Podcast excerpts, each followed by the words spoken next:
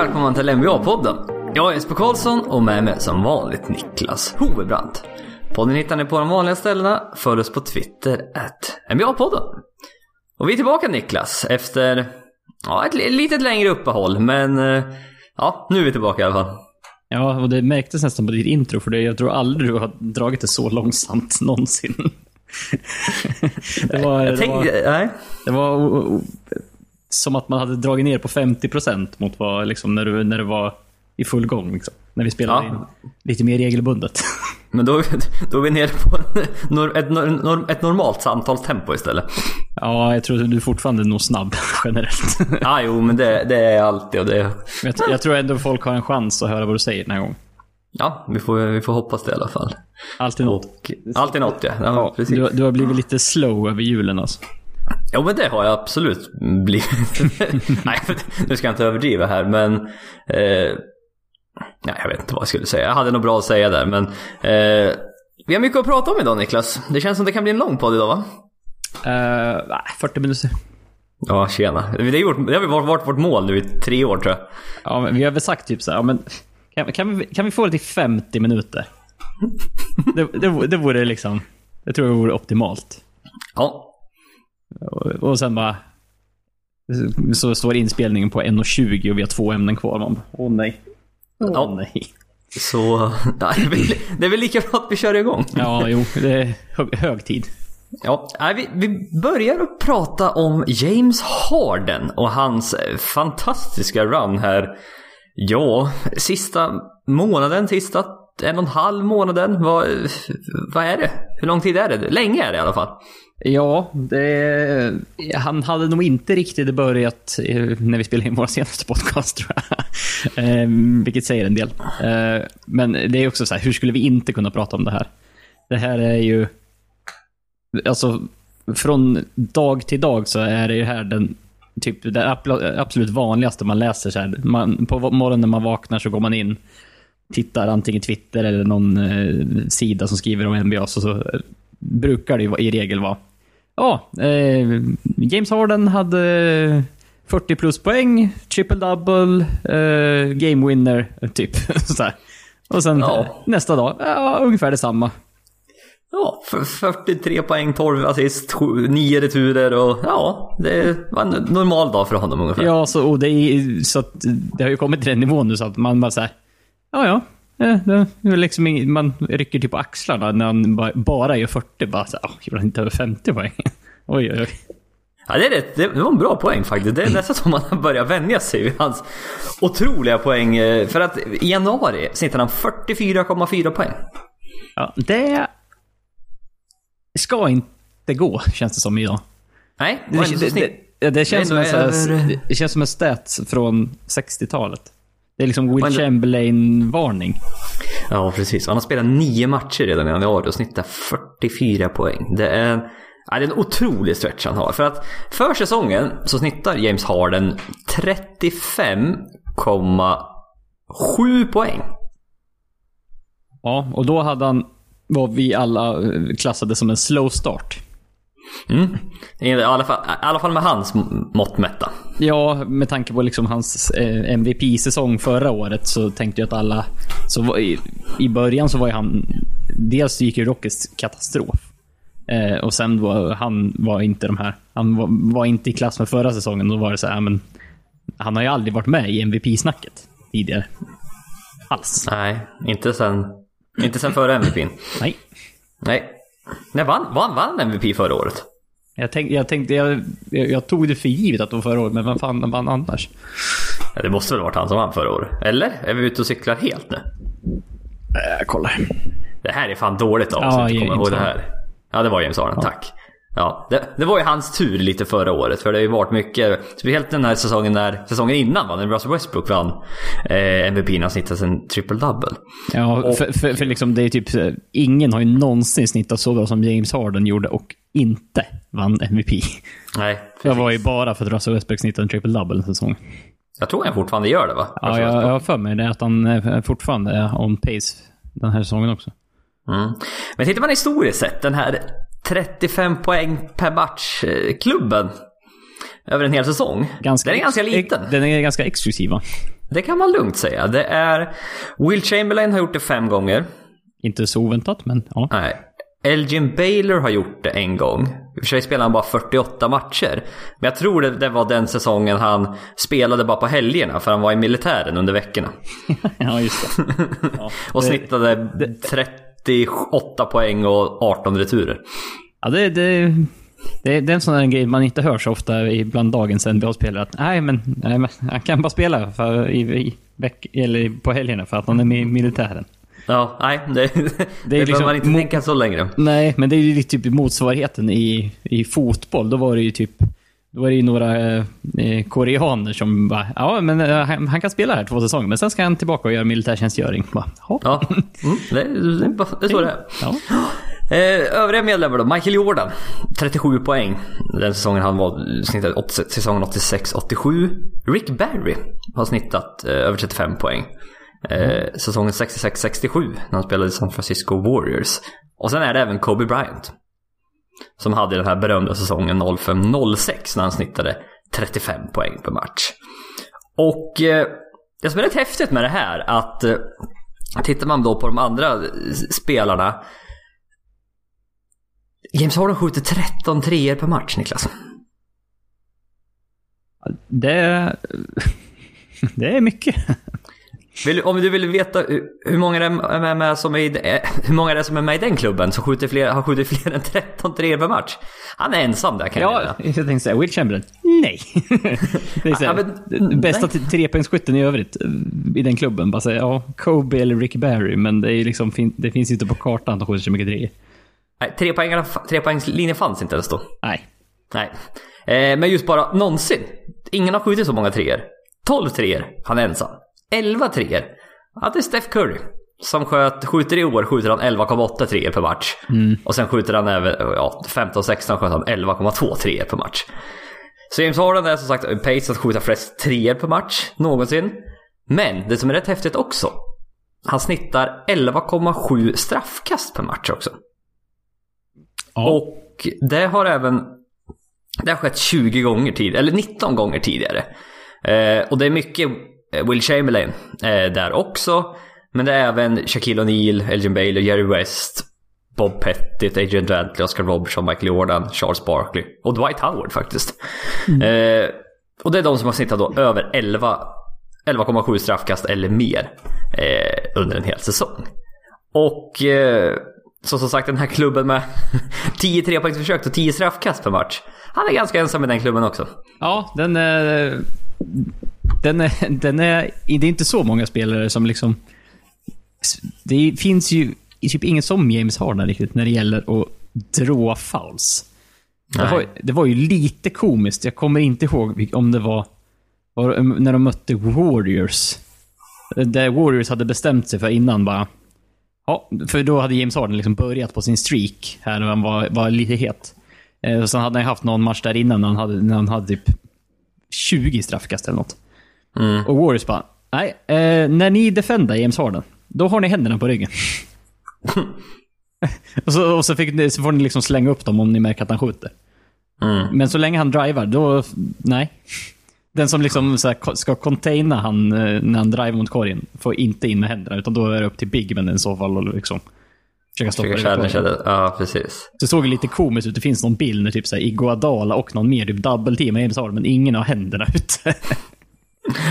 Nej, för att tidigare har ju... James Harden har ju varit rätt tråkig att titta på stundtals faktiskt. Väldigt tråkigt. Just det här med att drive mot korgen och sen ha straffkast och sen är det dribbla, dribbla, dribbla, dribbla, skjuta trea. Och visst, det ser ju ut lite så fortfarande. Men med tanke på de senaste matcherna, han har ingen hjälp i stort sett alls. Chris Paul skadad, Clint Capela skadad. Och... eh, E- jag Erik hittade en- Gordon typ kommer, är på väg tillbaka från skadan nu och har spelat några matcher. Har varit Ja precis, ja, han, han hade ju en game time shot igår faktiskt. Eller i natt mot Lakers faktiskt. Eh, men det var rätt häftigt att eh, James Harden, han har gjort 163 poäng i de tre senaste matcherna. Mm. Alla poäng har varit oassisterade. Det är helt orimligt. Det är helt sjukt den staten. Alltså det är ju, det är så här, bara, är någon annan i Rocket som rör bollen under matcherna? Nej. Typ. Det är, det, det är typ det det inte är. Men, och alla de här stepback treorna och... Nej, det här är något historiskt alltså, James, det James Harden gör. Alltså, det är... Så, det är så här, han har ju väldigt exklusiva klubbar just med den här 35-poängsklubben. Och... Eh, nej, det är jävligt häftigt det här faktiskt. Jag trodde inte att det var... Eh, det är knappt att det var möjligt idag. Eh, men också, är det, är, det, är det hållbart det här tror du? Alltså, det, det, historiskt sett med just James Harden, eh, tidigare säsonger har ju varit att han i slutet mot säsongen, i slutspelet framförallt, så har han inte riktigt sett ut som sig själv. Han har sett, uh, han har sett som att han, han har tagit slut. Eh, och de säsongerna man sett det, så känns det som att han har eh, gått lugnare under grundsäsongen än man gör i, i år. Ja. Kan man väl lätt säga. Så, så att... Ja, han måste, måste ha tränat jävligt mycket kondition i sommar om han ska orka upp och hålla det här uppe. Jo, men det känns ju ändå som att han är i rätt bra form. Jämfört med... Det var ju ett par år sedan när han var tillsammans med... Ja. Khloe Kardashian-säsongen där. Ja, precis. Det var någon Kardashian där. Ja, och det när, var... när han kom in och var lite plussig inför efter sommaren. Jag. Ja, precis. Och han fick spela sin... Eh, det tog ett par månader innan, innan han kom igång egentligen. Ja. Fick spela sig i form helt enkelt. Eh, men i år känns det som en... Han var, missade väl ett par matcher där i början. Men eh, som sagt, är det här hållbart? Halva säsongen, lite drygt, har gått. Eh, ja, snitta 35 poäng per match. Det vore, det vore häftigt att se faktiskt igen. Det var ett tag sedan sist. Ja, och som sagt det, här snittet har ju bara ökat också. sista, sista tiden. Det, det ser inte ut att dala. Och det är det som är så himla... Det är det som är så himla sjukt. Och, och, och jag tror det var, var när de mötte Raptors, de förlorade den matchen. Det var ju så himla tydligt där i slutet att han är så himla ensam. För att Rock, eller Raptors, de bara Ja, nu är det liksom jämn match. Eh, ett par minuter kvar i, i fjärde korten. Eh, vi, vi, rakt upp, bara double-teama James Harden. Ja. Och typ lämna Austin Rivers och de här. Det är helt öppna från trepoängslinjen bara. James Harden ska inte få slås. Nej. Uh, så att man ska försöka få de andra, typ Austin Rivers och James Ennis och ja. Eric Gordon och ja, vilka andra nissar de har. PJ Tucker. De har, eh, ja det är väldigt tunt, men jag tror att det närmar sig för Chris Paul ändå och Capela. Ja, det är inte, de är inte borta för resten av säsongen, men... Nej, nej, nej så är det inte. Men eh, förhoppningsvis. De, eventuellt kommer de även få lite hjälp av Kenneth Farid, som blev utköpt från Brooklyn. Eh, om Houston kan lyckas eh, få loss en eh, roster spot, alltså en plats i laget helt enkelt. Troligtvis då kommer Anthony. Eh, om de kan trada bort honom eller köpa ut honom på något sätt så, kan, så kommer de signa Kenneth Farid. Och då är det ju, ja, de behöver all hjälp de kan få nu just nu just då. Ja, jo, det, det känns... Det, Farid känns ju som någon typ temporär lösning för Clint Capela. Mm. Eh, jag vet inte hur långsiktigt hur, hur vad, vad, vad de tror om Kenneth Farid för att det känns som resten av ligan har gett upp på honom lite grann. Jo, det har han. Han blev ju tradad till Brooklyn av anledning. Ja, eh, och eh, han... Utvecklingen i NBA var inte så snäll mot Kenneth Farid. Så kan vi säga. Han Nej, det var tråkigt. Fruktansvärt omodern helt plötsligt. Från, han startade, från, från liksom... Ja. Eh, ja, var, var det VM han var med i? VM, han startade som powerforward i VM. För mm, USA. För USA, ja. Och var en jävligt bra rollspelare. Som liksom en glue guy i det laget kändes som. Ja. Och sen... Men... Bara käpprätt ner i källaren har det gått. Nej, det var, utvecklingen som sagt var inte, den var inte snäll mot, uh, mot Kenneth Farid i Nej. dagens, uh, ah, dagens NBA var typ inte det. Undersized powerforce som inte kan skjuta. Mm, det är tufft idag. Va? Eh, du får, får vara jävligt bra på någonting annat då i så ja. fall. Men kommer du ihåg när Houston låg 14 i väst och man tänkte kommer de missa slutspel eller inte? Ja. Nu är de Ja, de är bara 6-4 sina senaste 10 matcher i och för sig. Men de ligger just nu femma i väst. Och är fem och en halv match bakom Warriors bara. Så att, eh, jo tack, de kommer gå till slutspel och då kan det vara så att de kommer få hemmaplansfördel också. Det är fullt rimligt. Eh, även om James Harden eh, sackar in lite grann så får de tillbaka eh, Capela och Paul så ska han ju få lite mer hjälp och Rockets blir nog bättre som ett lag. Jo, absolut. Det, här är nog sagt inte hållt kanske riktigt hela resten av säsongen. Men Nej. eh, nej, vi får, vi får se. Eh, tala om James Harden. Eh, ja, nu svag övergång här. Jag, hade, jag inte riktigt i, i, i, i form här med mina bra övergångar. Nej, det, det, du är tillbaka från, från skada lite grann. Så lite ringrostig. Ja, ja precis. Eh, James Harden. eh, har ju, med den här säsongen man har kan man ju tycka att han borde få starta eh, i All-Star-matchen. Men om man tittar på de senaste resultaten från eh, All-Star-röstningen då, från alla fans, så får han faktiskt inte starta som, eh, som det ser ut just nu. Han är trea i omröstningen bland guards. Och eh, lite förvånande så är det faktiskt Steph Curry och, kan inte så förvånande kanske, men att Nej. Derrick Rose ligger just nu tvåa bland guards i väst. Ja, det, det, det, det, är ju ofta, det har ju varit så de senaste åren. Det är typ det är några namn som kanske inte borde platsa där, men som typ fansen har bara bestämt sig för att nej, men de här ska, de här ska starta Åsta-matchen. Av någon anledning. Ja, men var det, det var ju något år, var det inte typ Jian Lian höll på att starta i, bara för att han fick så mycket röster från Kina. Han höll på att starta i Åsa-matchen men eh, han typ fick knappt spela om han var då i, om han var i ja, New Jersey då, eller om han var i Milwaukee. Eh, ja, det finns ju lite exempel på spelare som inte borde få starta men ändå får göra det. ja, det, det, det kan man väl lugnt säga. Och sen typ, vi har ju bara typ Kobe Bryant där sista säsongen. Då var det så här. Ja, han, ja, hans- det, för, för det var, ju- det var liksom så här, ja men det är hans sista säsong. Han, Okej. kommer få starta. Och det är lite samma i år med, med i öst, där vi har Dwayne Wade som gör sin sista säsong. Ja, precis. Då är det Kyrie Irving och Dwayne Wade som ser ut som, det ser ut som just nu får starta som eh, guards där. Det är, guards i öst, det kan nog vara det svagaste de, delen här i om man får titta på alla de fyra delarna. Ja, det är det definitivt. Eh, för då är det trea Kemba Walker, fyra Ben Simmons. Eh, tittar vi på frontcourten i öst då, så är just nu Giannis eh, etta, Kawhi Leonard tvåa, Joel Embiid trea. Och just nu, eh, Giannis är den som leder röstning, eh, har fått flest röster i öst. Och han kommer då få vara kapten i den här draften. Så de har faktiskt kommer tv-sända i år. Det, Det var, ju, är- det var ju stor snackis förra året. Att, så, varför fick vi inte se Pixen? Liksom? Varför inte göra ett event av det? mm, Och då var ju mycket Nej. snack om så här, ja men det kan vara känsligt och ifall nu liksom nej, LeBron James inte tar en, sin lagkamrat eller Steph Curry var det ju framförallt förra året.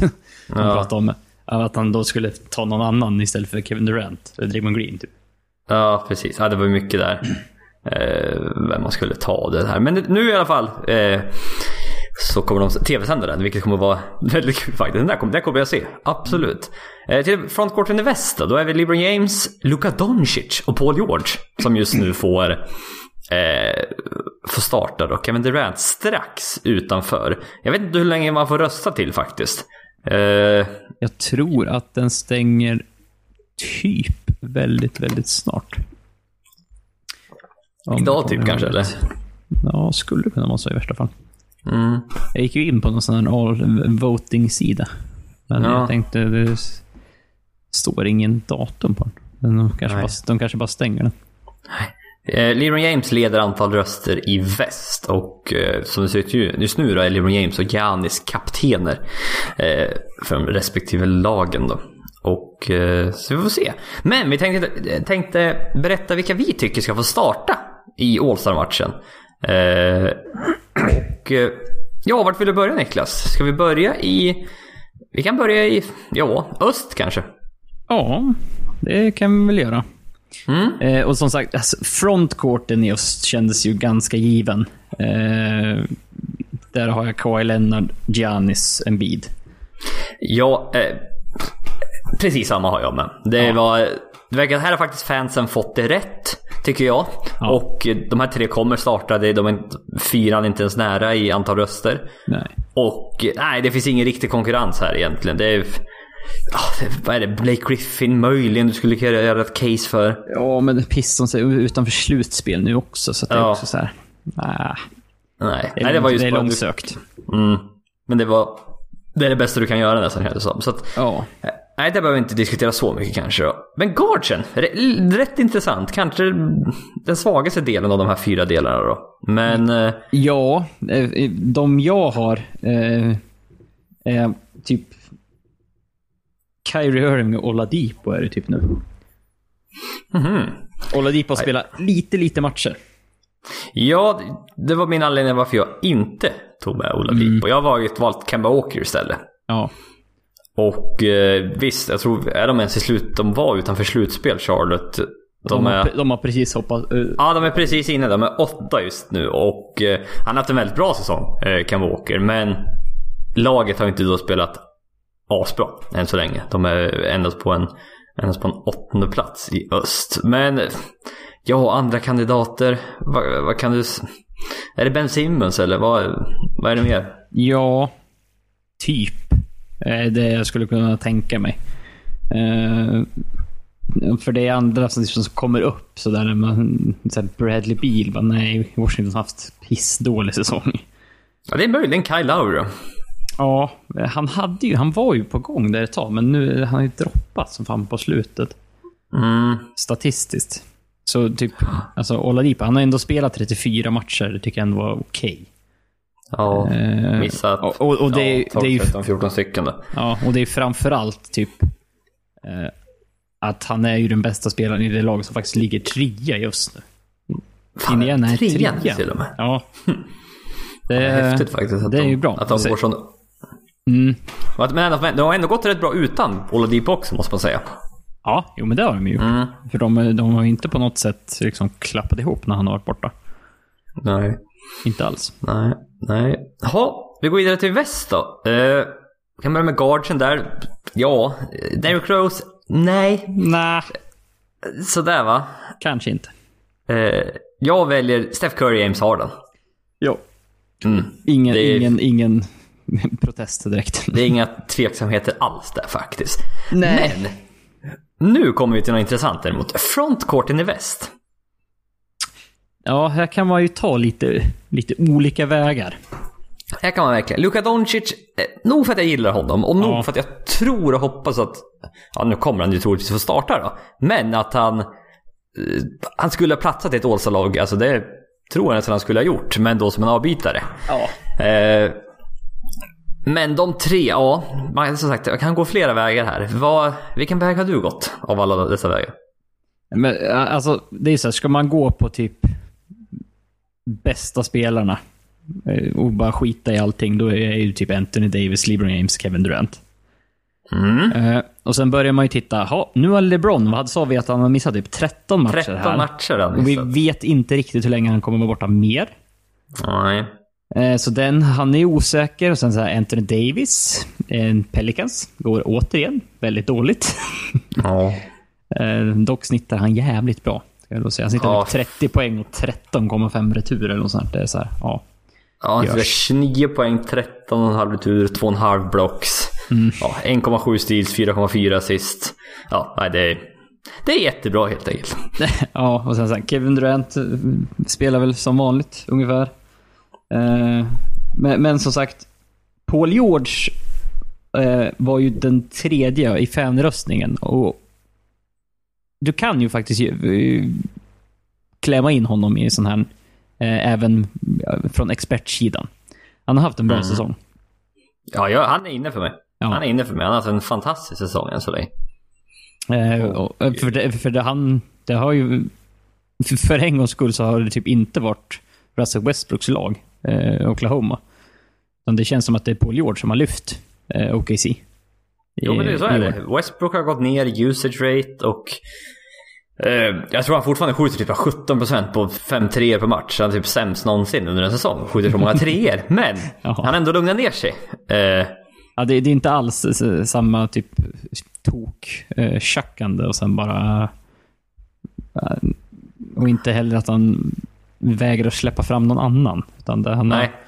han har ju ändå typ förstått sig på att ja, men det kanske är bra att faktiskt... involvera den här All-Star bredvid mig. Ja, ja Eh, men lite som har så. haft en väldigt bra säsong än så länge. Ja, men Mina tre är, hmm, ja okej, mina två som jag vet att jag vill ha i. Ja. Det är eh, Kevin Durant och Paul George. Ja. Jag väljer att peta LeBron James, han har missat lite för många matcher. Eh, Luka Doncic, jag gillar honom men tyvärr inte riktigt... Eh, I det här sällskapet är han inte riktigt än, tyvärr. Nej, han är Men- väldigt, väldigt, väldigt bra, men... Nej, det känns in, inte... Mavs är för dåliga också. Säg att Mavs hade Ja. fyra. Sure. Ja, men... Men- eh, Nu är de ganska långt utifrån slutspel. Men ja, som känns just nu. Men Den- den- min den- största fråga. Ja, förlåt. Det, jag tänkte här, den jag, jag tippar på är den... Är outsen. Har du Nikola Jokic som din sista? Det är det som är det svåra. Mm. Är det Nikola Jokic eller Anthony Davis den sista platsen? Ja. För att kollar du stats så har Anthony Davis bättre stats. ja. Men Nikola Jokic har eh, varit den bästa spelaren i, ja, nu det näst bästa laget i väst då. Ja, men de har eh, typ... De, de har ju legat etta. Väldigt, Ja, fram stö- till större delen av säsongen. Ja, och de är en halv match bakom Warriors. Så de är ju liksom det bästa eller det näst bästa laget i väst än så länge. Ja. Och det är då lite, hur ska man då belöna dem? Liksom Pelicans ligger 12 9, 10, 11, 12. Ja. Ska man belöna eh, den spelaren då eller ska man belöna bästa spelaren i det bästa laget i väst än så länge? Ja. Det, ja, det är svårt. Det är svårt. Jag, jag väljer nog Jokic bara för att det är lite roligt och han passar. vid- Nu kommer inte han få starta men om jag hade fått välja skulle jag nog välja Jokic för att Ja. belöna eh, någon som vinner men också kul att, kul att han får vara med och starta. Ja, men och han, han har ju haft en riktigt bra säsong. Han gjorde väl typ bara här om natten, så vad, gjorde han sin, typ sin sjätte triple-double tror jag, eller något sånt. Den här Ja. säsongen. Han har haft eh, några tokpassningar som han ja, ofta har. Han sitter allmänt- 7,7 assist som center. Ja, 10, 10 returer och 7,7 assist. Och 19, typ ja, nästan 20, ja, nästan 20 poäng. Nästan 20 poäng. Ja, ja, det är ju... Jag, vad är det jag undrar? Jag tror ingen center någonsin har snittat 7,7 assist per match. Nej, det har jag svårt att tro. Faktiskt. Det enda som det, jag kan tänka mig att det är, det är typ Bill Walton när han var som bäst Ja. i Portland. Skulle kunna ha någon sån här toksäsong. Ja, nu ska jag faktiskt eh, gå in på, eh, vad heter det, på Basketball Reference och se om några centrar har snittat fler än sju assist per match. Eh, förutom, ja det, aha, ja det är såklart ja. Will Chamberlain. Ja, ja, han snittar ju. När han bestämde sig för två säsonger att nu ska jag, nu ska jag vara, leda ligan i assist också. Ja, då gjorde han det. Mm, då gjorde han det. Men han fick också spela lite Ja. per match också. Han spelade 48 minuter per match och blev typ triple team så fort han fick bollen. Så det måste Ja, ju finnas någon som, som kunde sätta ett skott runt omkring. Men vem vill du ha då? Eh, Vem väljer du? Ja, I frontcourten? Mm, man vill ju typ inte peta ur LeBron James här, men, men för enkelhetens skull så petar man ut honom. för, för att det är svårt att välja ändå. Och det är så här. Jag har svårt att peta ut Anthony Davis. Jag gillar Anthony Davis. Eh, Men eh, jag, jag, ja, jag har nog kvar Davis och sen inte Jokic. Men jag, ja, Nej. det är Nej, jag- hugget som stucket. Ja, precis. Ja, men där, jag, är, jag, är inte, jag, jag är... Vilket håll som helst är ändå så här, eh, okej.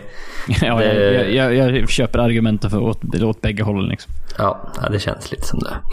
Eh, vi går vidare. Prata lite om Kyrie Irving och hans kommentarer här de senaste dagarna. Som det har varit rätt mycket uppståndelse om faktiskt. Det har varit eh, väldigt mycket snack om det. Ja, eh, vi kan väl säga att det, känns lite klumpigt av Kyrie Irving. Han har gjort lite uttalande i medien som har eh, dels eh, kastat lite ljus på eh, han- hans tid med Cleveland och eh, även hur han ser sitt nuvarande lag. Ja, precis. För att han var väl, var väl en match efter Orlando, efter en förlust mot Orlando Magic då han kritiserade de unga spelarna i Boston. Ja, han var, inte han var ju hade- märkbart frustrerad. Att de inte Ja, kunde precis. close out the game. För att de hade väl typ ledningen. Ja, Och då känns det som var- att de borde ha kunnat stänga den matchen. Men det gjorde de Ja, inte. nej men precis. Men då, han kritiserade de unga spelarna då. Men sen har han tydligen då ringt LeBron James och eh, bett om ursäkt om hur han betedde sig som en ung spelare.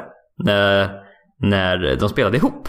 Att han var, han ville ha allting, han, var, han förstod inte hur det var att vara en ledare och Eh, han ville bli, vara en ledare och så vidare och så vidare.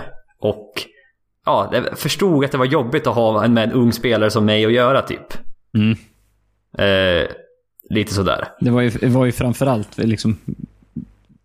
Om, ni, om det för den som inte vet så var det ju Kyrie Irving och LeBron James spelade i Cleveland och sen vart det Kyrie Irving och sa att typ jag vill ha ett mitt eget lag. Mm. Han vill inte stå i skuggan bakom LeBron. Nej. Nej. Och, eh, men den här kommentaren då är ju då, känns ju då som en direkt peak, återigen, till hans unga spelare i hans eget lag just nu. Att han Att han nu att de- helt plötsligt förstår och har insett vad vad jobbigt det är att han- ha med unga spelare att göra. ja, vad han, vad han liksom... Vad han gjorde då mot LeBron. Eller mot Cavs, beroende på hur man säger Ja. det. Men, ja, det, det blir lite... Det är så här, dels så typ kryper han till korset för något han gjo- gjorde när han var ung, inom situationstecken, så- som, som det står i artiklarna. Han är 26 nu, men ja, visst. Ja, jo, men ännu yngre då. Ja. Och sen samtidigt, liksom så här, när det redan är lite anspänningar i Boston, att då plocka ner sina lagkamrater och liksom kasta dem under bussen lite, lite, lite, lite extra också. Så här, man bara, det är klantigt på något sätt. Det känns som han är lite... Han är lite klantig när han snackar. Det känns som att han bara pratar och sen... Jag vet inte, han låter bara munnen gå. eh. På något sätt. Som inte alltid är så smart kanske som en NBA-spelare. Ibland är det bättre att bara hålla tyst. Och ta det, om det är någonting, ta det bakom stängda dörrar i så fall. ja, för För median blåser ju upp det här till, det här har ju varit en story en vecka nu för fan. Ja, ja, det kommer, tycker alltid någonting nytt sådär. Och eh, ja, det är märkligt. Men även nu gått ut efteråt och sagt att jag vill vara en ledare. Jag vill vara en ledare som tar oss till mästerskapet. Och då direkt, eh, många, så här, eh, många kritiker direkt då liksom bara ja, men är man en ledare då går man inte ut och säger att man är en ledare. Man leder bara. Man visar det. Man visar det. Man tar det bakom stängda dörrar. För det är liksom där, Tim Duncan, pratar han, alla säger att han var typ den bästa ledaren någonsin. Pratar han med media någonsin om sånt här? Nej. Så prata med media någonsin. Ja, det är på gränsen. Fan, Tim Duncan, det är många roliga bilder med hans kläder förut. Bara. Tim Duncan har tjänat 200 miljoner dollar i sin karriär. Va- Och 17 av de dollarna har gått till kläder. alltså, han har så här jätte, typ så här beige tråkig skjorta och något så här. Ja, det är inte... Nej, ovackra kläder. Även för den tiden kan jag nog tycka. Ja, han, har, han har aldrig vunnit någon sån här Best Dressed Award. Nej, Nej. Eh, verkligen inte. Och eh, ja, nej men just det här med Kyrie Irving. och Det är lite, ja, det är lite märklig stämning i Boston. Det har varit det nästan hela året här. För att det har inte gått så bra för dem här i början och sen nu det här då. Gordon Hayward, vad gör man med honom eftersom man inte riktigt är tillbaka till sitt vanliga jag än. Eh, Kyrie Irving har eh, kontraktår. Han ska, eh, troligtvis kommer att opta ut i sommar. Vad händer då? Ja, det är Sen- mycket, det är mycket som händer. Ja, och sen är det den här Terry Rozier svävar över dem också. Vad kommer de göra med honom? Måste de liksom försöka trada nu för att få tillbaka någonting? För han kommer ju gå någon annanstans till sommar. Med största Ja. sannolikhet. Eh, och sen Jalen Brown. Eh, när han inte fick starta. Det var jobbigt. Fick komma off the bench.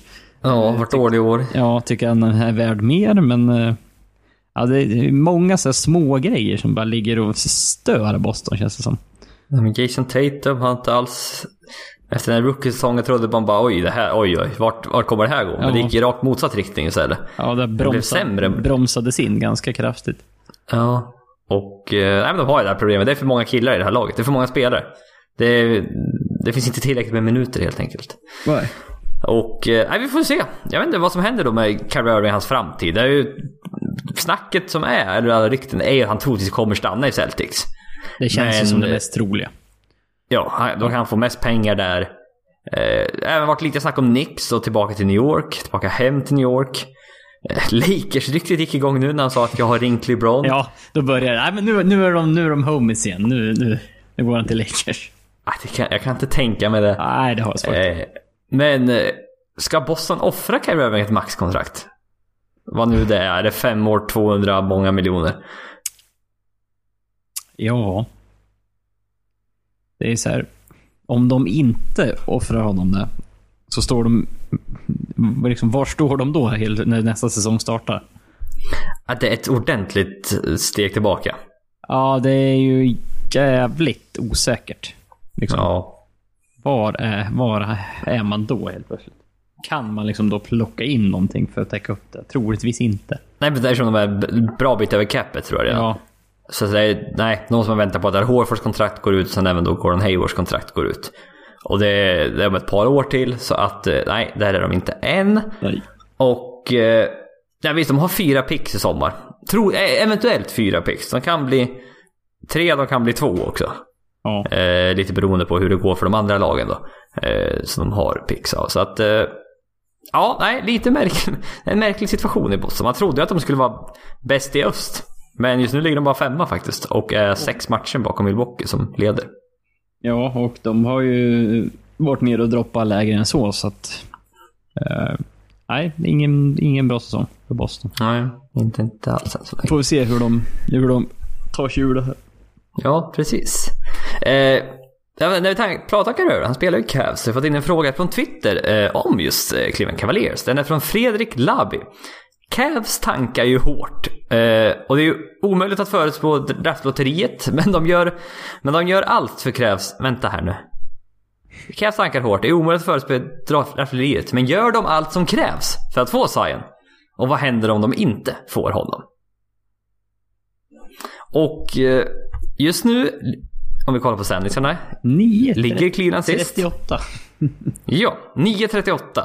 Men de är i god, gott sällskap med både Chicago, New York och Phoenix. Som alla är inom ja, två vinster ungefär.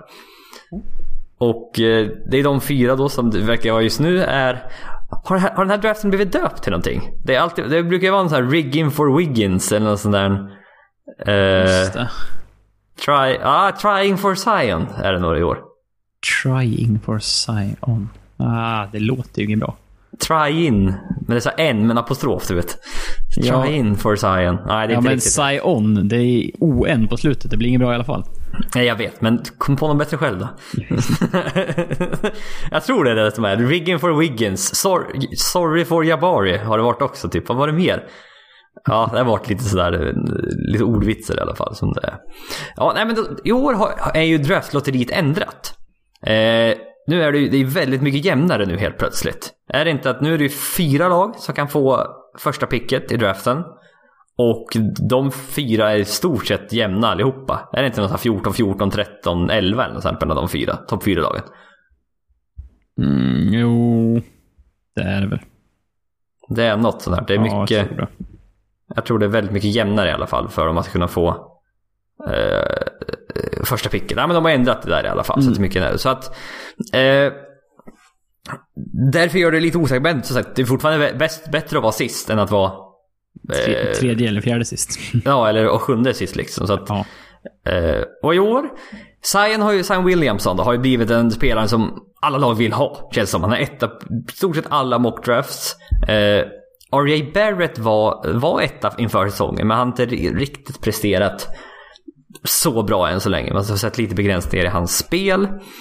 Och jag vet inte, har du, jag har inte riktigt gett mig in i den här college eh, inför draften. Det är ett tag kvar till draften, så jag har inte riktigt gett mig in i den i i den... Eh, för att verkligen se vilka, vilka som kan gå högt upp i draften nästa... Eller i sommar rättare sagt. Har du gjort den? Eh, alltså jag koll, kollade lite på någon sån här draftboard eh, nu. Eh, och då är det ju liksom Zion Williamson är etta. Jo, men han är etta på de flesta. Jag kollar många. Ja. Han... Eh, Men, och sen var ju min, min bild var ju från, liksom från början av säsongen, då var det ju typ så här, Zion och RJ Barrett var ju, etta, tvåa, ja. ja de. Och sen även låg ju Cam Reddish eh, högt uppe, alla då eh, från samma lag i Duke. Ja, precis. Jag tror även Nasir Little som spelar North Carolina var högt uppe nu, men han Ja. droppar nu. Ja, Eh, så typ, eh, lägre. Och nu är det... Ja, vad heter de? det är ju typ i, oklart. Ja Morant. J.A. Morant. Ja Morant. Ja. Eh, typ tvåa. I, i, liksom, I dagen skulle han då gå till Bulls. Ja. Eh, sen R.J. Barrett till Knicks och sen Rui Hashimura. Fyra. Keldon Johnson och Cameron Reddish hade sjunkit till sexa. ja. Ja, men det är ju Cameron Reddish som har fått tag i smällen i Duke. Ja. Eh, när det gäller antal touches och det här. Och man har inte riktigt fått eh, ja, visa vad han går för än. Men eh, som sagt, Cavs tankar hårt. Ja, det gör de verkligen. Och ja, får man Zion så är man jätteglad för det. Eh, Ja. De har ju fått, de har ju lyckats få väldigt många first, first, first overall picks. Eh, Cleveland tidigare. Ja, de har fått. Kyrie Irving, Andrew Wiggins, Anthony, Anthony Bennett. Bennett. Och framförallt LeBron James 2003 då. Ja. Ja. Och eh, så att, nej. De verkar ju ha tur med de där lotterigudarna. I alla fall. Men... Kanske har eh, det i år också. Ja, precis. Nej, men eftersom de nu ligger sist, då får de ju minst ett topp 4-pick. Och kommer ju få någon... Ja, man kommer få en bra ung spelare liksom, som man kan eh, bygga hyfsat på. Men problemet med Cleveland är ju att spåren efter LeBron-åren, det har ju bara gått en halv säsong i och för sig. Men det är ju alla dessa dåliga kontrakt man har. Ja. Och det, Det är är... eh, J.R. Smith, det är Tristan Thompson. Jordan Clarksons kontrakt är så halvbra. Men de, de här kontrakten de försvinner inte förrän säsongen 1920. Alltså efter säsongen. Den här och efter nästa säsong försvinner de här dåliga kontrakten. Och då kanske det, man kan börja om lite igen. Ja, för liksom, det var det enda jag kunde tänka sig. Oavsett om du får Zion eller inte så har de ganska många år kvar innan det liksom är relevant med Cavs igen. Mm. Eh, det spelar liksom inte så stor roll. Det, för, säg, om Cavs hade fått välja idag, bara, ja, men vi, om vi får Zion, då så här, vill vi ha kvar Kevin Love? Eller konkurrerar de om lite samma, eh, samma minuter? Ja, det var rätt spännande för jag... Man gav han ett fyraårskontrakt värt 120 miljoner dollar. Ja. Han har typ inte spelat någonting i år. Nej. Eh, jag vet inte. Klokt av Cavs i och för sig att stänga ner den. Han hade, Jo, ju, precis. han hade ju säkert fått, gett dem ett par vinster. Ja, det, var, det, var, det, var, det var tidigt. Ja, det var Eh, ing- ingen snack. det var tydligt var det också. Ja. Men, eh, nej, men det, det kändes lite, signar man Kevin Love för att kunna trada honom? Ja, det, alltså, jag var ju inne på det då. Jag bara, vad fan, varför ska de... Kan inte bygga någonting kring liksom Kevin Love, för de kommer inte kunna plocka in massa top free agents runt omkring honom. För det är... Nej. Det, är Det, liksom, det var det. Ge så mycket pengar till en 30-årig Kevin Love med skadehistorik. Jag förstår inte. Nej, jag förstår inte riktigt det. Och det känns ju då som man, man ska trada honom. Men de måste ju då showcase att han är hel. Det kan, det kan inte bara göra så här. Det går ju inte heller. nej, nej. Så att, vem vet, det här kanske är någonting för nästa år eller någonting. Jag, jag vet inte. Men eh, Det, kommer, det kommer vara ett mörkt år även nästa år, oavsett hur det går i draften för Cavs. Tyvärr. Så är det. det känns som det. Visst, får man Zion Williamson, oavsett vilket lag man är, då är framtiden ljus. För att då har du en du har bra underhållning då eh, i några år framför dig. Ja, men som sagt, det betyder ju fortfarande inte att Cavs kommer vara relevanta. Nej, så är det. Så, Så är det. Men... eh, New Orleans kunde inte ha valt ett bättre pick än, än- än Anthony Davis. Klockrent pick. Alla var säkra på att eh, liksom, det var så. Eh, de har inte varit, liksom, de är inte där de folk skulle kunna tänka sig att Anthony Davis vill vara. I alla fall. Nej. Har inte varit Nej, på, jag vet inte hur många år nu. Fem, sex. Ja, Han draftade 12 va? 2012, ja det är sjunde året. Mm. Nej men det är som Blake, vi börjar heja på Clipper för Blake Griffin för han var jävligt... Dock var först, den första säsongen han spelade var jävligt kul att följa. Ja, det var riktigt roligt. Bland Och de det känns- roligaste ja, rookie-säsongerna blir det ju. Ja. Han det- spelar, ju- spelar ju inte sitt första år.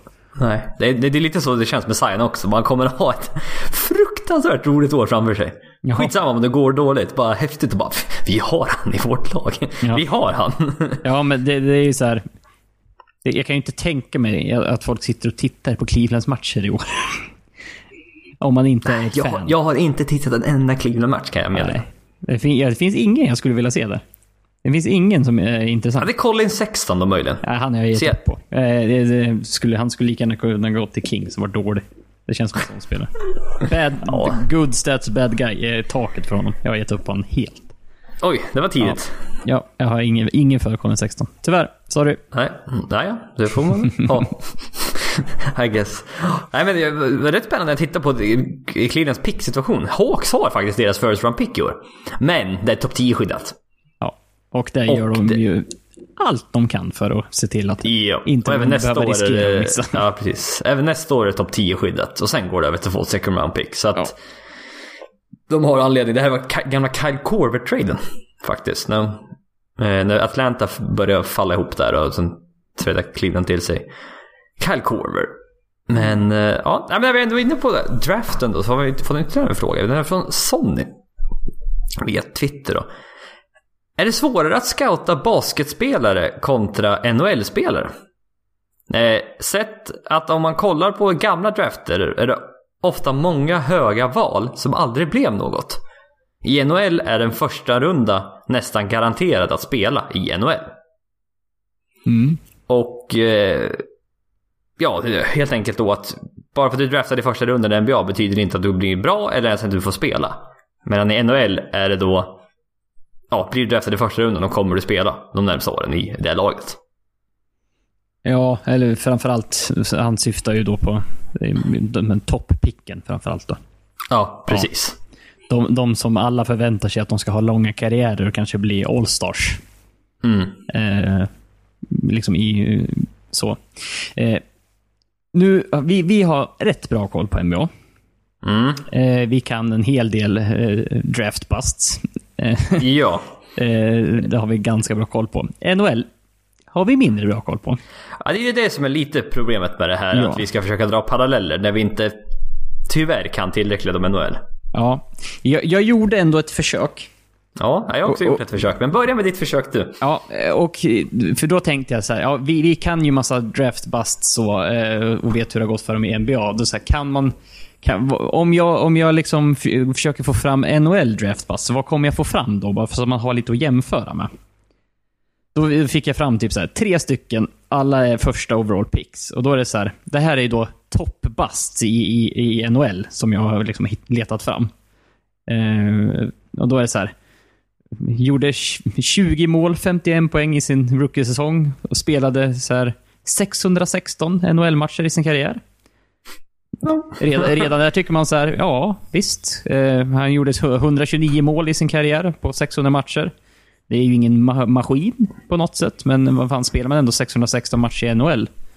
Eh, då är det så här, ja, man har ju åtminstone haft en relativt lång karriär. Ja, det är väl just vad man förväntar sig av ett första val. Det är väl Ja. det som är, det är det som är den stora ja, förväntning och sen vad de verkligen gör då. Ja, nej, men det var lite sådär eh, generellt när jag kollade på de här draftplatsen i, i NHL. Då var det mycket så ja, han, här, han gjorde 64 mål och typ 200 poäng på 455 matcher. Eh, Ja. Kom aldrig till slutspel sådär. Så de har aldrig kommit över liksom den här gränsen. Kan man säga. Så att de, så att de blir relevanta och bra. Men det, och sen var det ju någon sån där, eh, som precis som i typ Greg Oden. Kom in, eh, jättehypad. Typ gjorde tydligen tillräckligt mycket för att få ett 15-årskontrakt. och sen var han Ja, just det, skadad. de kan ju sätta rätt långa kontrakt där. Ja. Ja, och sen vart han tokskadad och sen fick, fick typ, jag tror det var Islanders som fick köpa ut honom här på 2000-talet någon gång. Jaha, spännande. Ja, nej, men det, alltså generellt så var det ganska mycket så här draftbutsen i NHL, det var så här mycket eh, alltså kontra förväntningar. Och eh, mycket sånt här, ja, de kunde ha tagit han och eller han istället. Eh, men att de har ändå haft ändå relativt långa eh, liksom karriärer i NHL. De har ändå spelat ganska många matcher, även om de inte varit på den nivån som man kanske har tänkt sig innan. Men när vi, vi, vi nämnde ju en för typ Anthony Bent. Han har ju knappt spelat i NBA.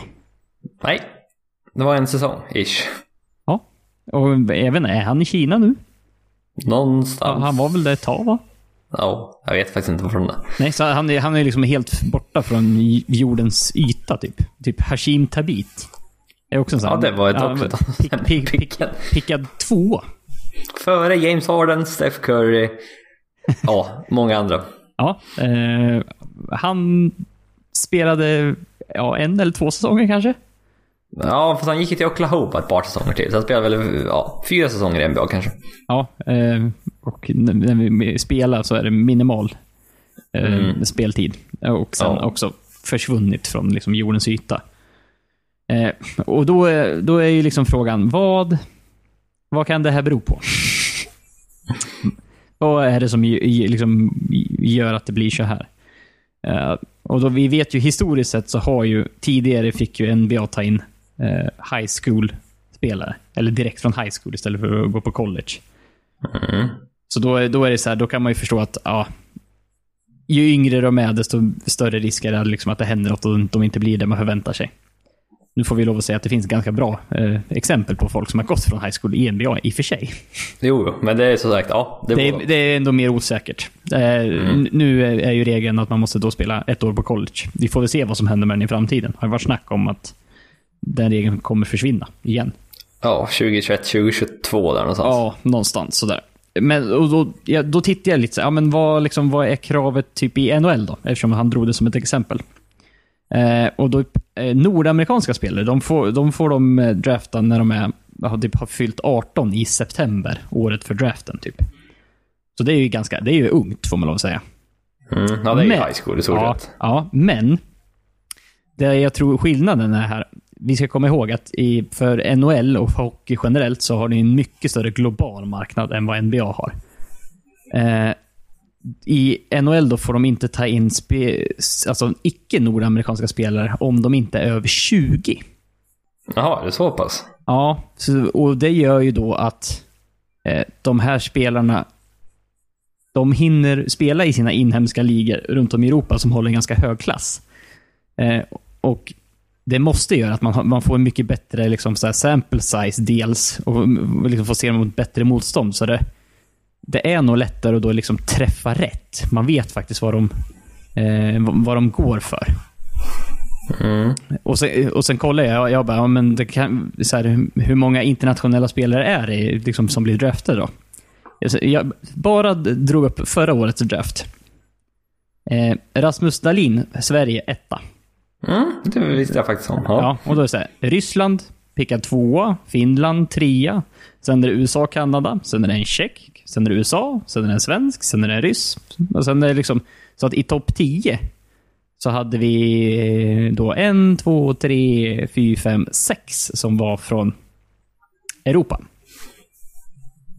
Mm. Och, och då kan man ju tänka sig att även de här nordamerikanska spelarna som är då är 18, så kanske man inte går direkt in i draften i NHL när man vet att det här finns. Att man då har mer beprövade 20-åringar. Eh, Om, från, man, om man inte heter Conor McDavid. ja, eh, Con, ja, Conor McDavid eller eh, ja, de här, oh, vad hette han? Austin? Austin Matthews Ja. hette han va? Mm. Ja, precis. Eh, så det, det, det känns som att det är ju ju- just för att NHL har så mycket, de har de reglerna de har och det finns så mycket mer från andra sidan kontinenten att välja på. Så tror jag att det är mer beprövat där de faktiskt draftar i, högt, högt då. Mm. Om man säger så. Ja. Ska jag ta min lilla eh, undersökning här, eller min teori då om det här istället? Gjort. Eh, jag hitt- hitt- hittade på nätet en undersökning som gjordes av basketballreference.com. Vilken annan sida såklart. Eh, men kontentan i den här, de tittade på alla drafts som var mellan två, ni- 1980 och 2010 typ, tror jag det var. Och eh, historiskt sett så i NBA, du behöver vara en, du måste draftas topp 10 för att ha chans att bli en stjärna egentligen. Det var, eh, efter pick 10 då är det väldigt liten chans att det blir en stjärna. Och det var egentligen topp 5, där var det som sagt bäst. De, de prickar faktiskt oftast rätt på stjärnor. Slår man ut det liksom över hela NBAs existens så är det faktiskt så. Ja men faktiskt prickar faktiskt lagen rätt, rätt ofta. Men tittar man då på eh, val 21 till 30 i NBA då. Så är bara mindre, mindre än hälften av de valen blir ens rollspelare. Ja, och då ska vi inte ens snacka om andra rundan. Nej, precis. Så att 21 till 30 då har du en 50-50 att bli ens en rollspelare i NBA. Så att det är ganska låga, det är ganska, det är ganska låg chans ändå alltså. Ja, det, det finns ju någon så här procent, typ. Alltså är du inte typ ett lotteripick, eh, att x antal procent för, försvinner inom typ tre år i ligan, eller fyra år. När, liksom, ja. typ ja, när, men det, är- när ro- rookie-kontraktet är slut. Eh, Ja. Då är det så här, jaha. Ja. Det är med sån historiskt sett att liksom i, i andra rundan så är det, det, det där har du verkligen lotteri. Det är liksom, Ja. troligtvis kommer du inte få ens en rollspelare. Nej. Så att det, det, så ser det ut i NBA helt enkelt. Typ andra Men- rundan till G-League, typ. Ja, nej, men precis. Och, men min tanke var lite det här att det finns mycket fler spelare i ett NHL då. Det, Det finns 23 spelare i ett lag. Jag tror de har 20 till varje match om jag tittade rätt. De flesta får spela. De har ändå, ja, man har väl fyra forwardkedjor eller har du tre backpar. Och eh, ja, två eller tre målvakter. Och alla får ju, de flesta de får spela rätt mycket. Visst, de bästa backarna spelar ju uppemot 20, 26 minuter eller något sånt där. Men det känns ändå som alla får spela. Jämför det med NBA. De spelar, ja, 9-10 spelare varje match. Ja, och, här, och, och, om du har, har tur så får du som tolfte man nio minuter i slutet av matchen när det inte gäller någonting. Nej, precis. Så att det är i stort sett dubbelt så många spelare i NHL som spelar varje match. Per lag då. Och det gör nog att du som sagt, du, du är... Du har mi- mindre konkurrens helt enkelt då, i NHL. Du får spela även fast du inte riktigt är... Även fast du är den 18 bästa spelaren i ditt lag så får du ändå spela. Är du 18 bästa spelaren i ett NBA-lag? Nej, oj, nej då är du inte ens i laget.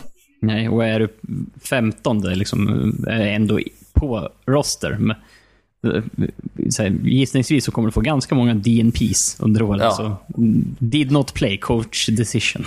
Nå, nej men precis. Så det gör ju då att det är större chans att du får spela överhuvudtaget.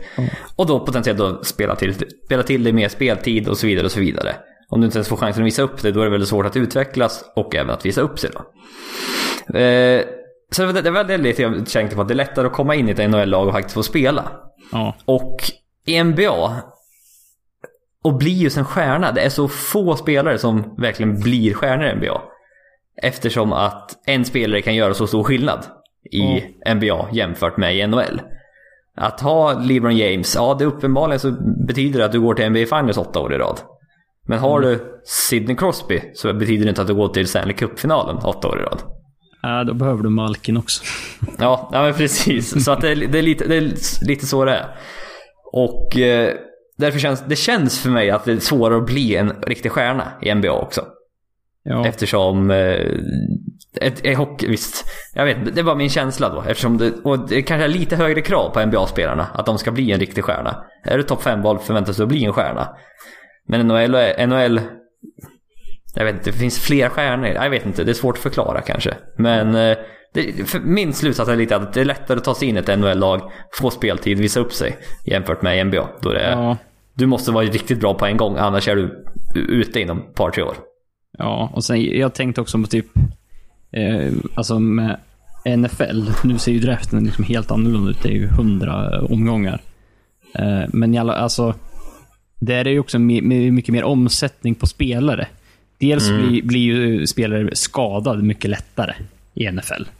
Eh, Jämfört med liksom, mot NBA. Och de har generellt kortare säsong, alltså, eller säsonger, säsonger, ja, vis, visserligen också, men alltså kortare karriärer. De håller Ja. inte. Och Nej, vi, vi, vi, kort...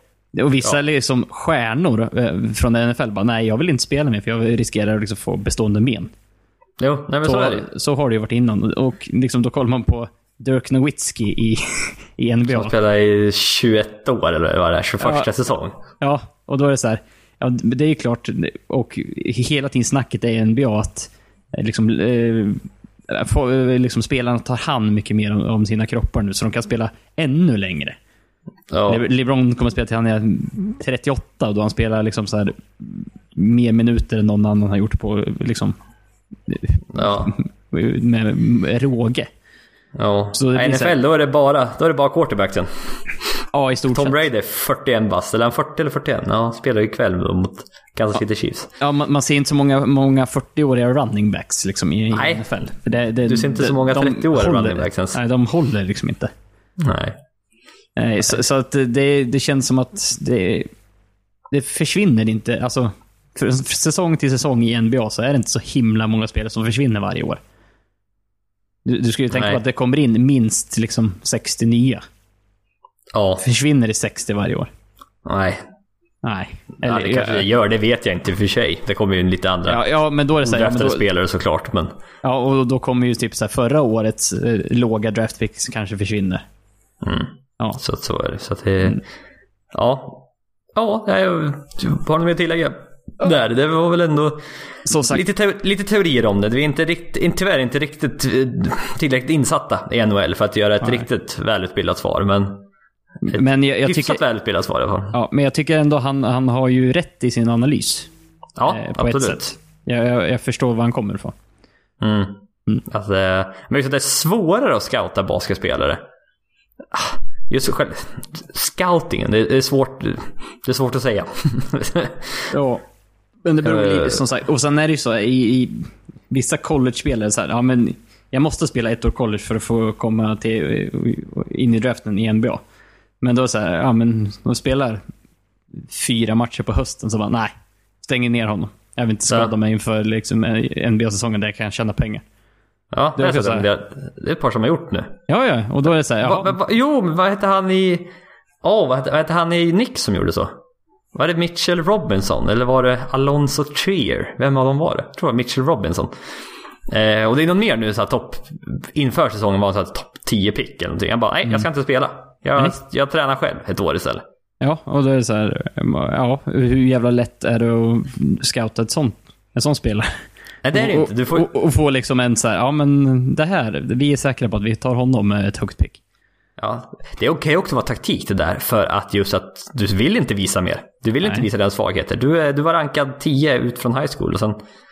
Ja, nu, Ja, det- jag, jag är på. nöjd med det. Kan jag hålla, Ja. kolla, hålla den, uppe, den bilden uppe så kommer jag bli draftad i lotteriet, typ. Varför tror du Dante Exum gick femma? Ja, exakt. Han gjorde precis så. Han såg bra ut i typ här internationell turnering. Sen spelade han inte på ett och ett halvt år. Nej, Det var ingen som visste, visste hur han såg ut egentligen. Nej.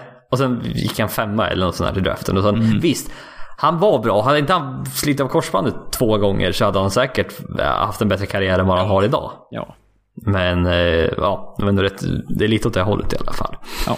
Eh, vi går vidare och tittar, tittar, ja det gör vi också, men vi ska svara på en annan Twitterfråga som kommer från eh, Marcus Nilsson. Snacka om D-Low. Eh, Vilket, D-loading. vilket inte är en fråga, utan mer en, en anmaning, skulle jag säga. Anmaning, uppmaning skulle jag säga. Nej, ja, det, det, det är mer... Det låter mer Anmaning. intelligent att säga anmaning. Det vet, jag har aldrig hört det ordet förut. Nej, jag är lite mer kultiverad än vad du är. Jo visst, det är ju på ord men... Eh, eller ord man aldrig använder. Ja, ja. ja, visst, prata du som du vill. Du får låta jätte... Ja, eh, intelligent om du vill. Eh, nej men Jenny Russell då. Snittar faktiskt 19 poäng, 6,4 assist, 3,7 returer på endast 29,5 minut per match. Och ja, Brooklyn har varit rätt underhållande i år faktiskt. Deras matcher har varit rätt galna. Eh, känns det som än så länge. Och de är faktiskt över 500. De är 24-23. De är, Och, eh, de är helt plötsligt eh, sexa, tror jag. Ja, sexa i öst. Va? Ja. Sexa i öst? Ja. Är det så jävla illa i öst alltså? ja Miami 22-22 ligger bakom, sen Charlotte 22-23. Ja. Fortfarande i Man slutspel. tänkte- man ju Brooklyn, äntligen har de tillbaka sitt pick tänkte man. Nu jävlar ska vi tanka igen.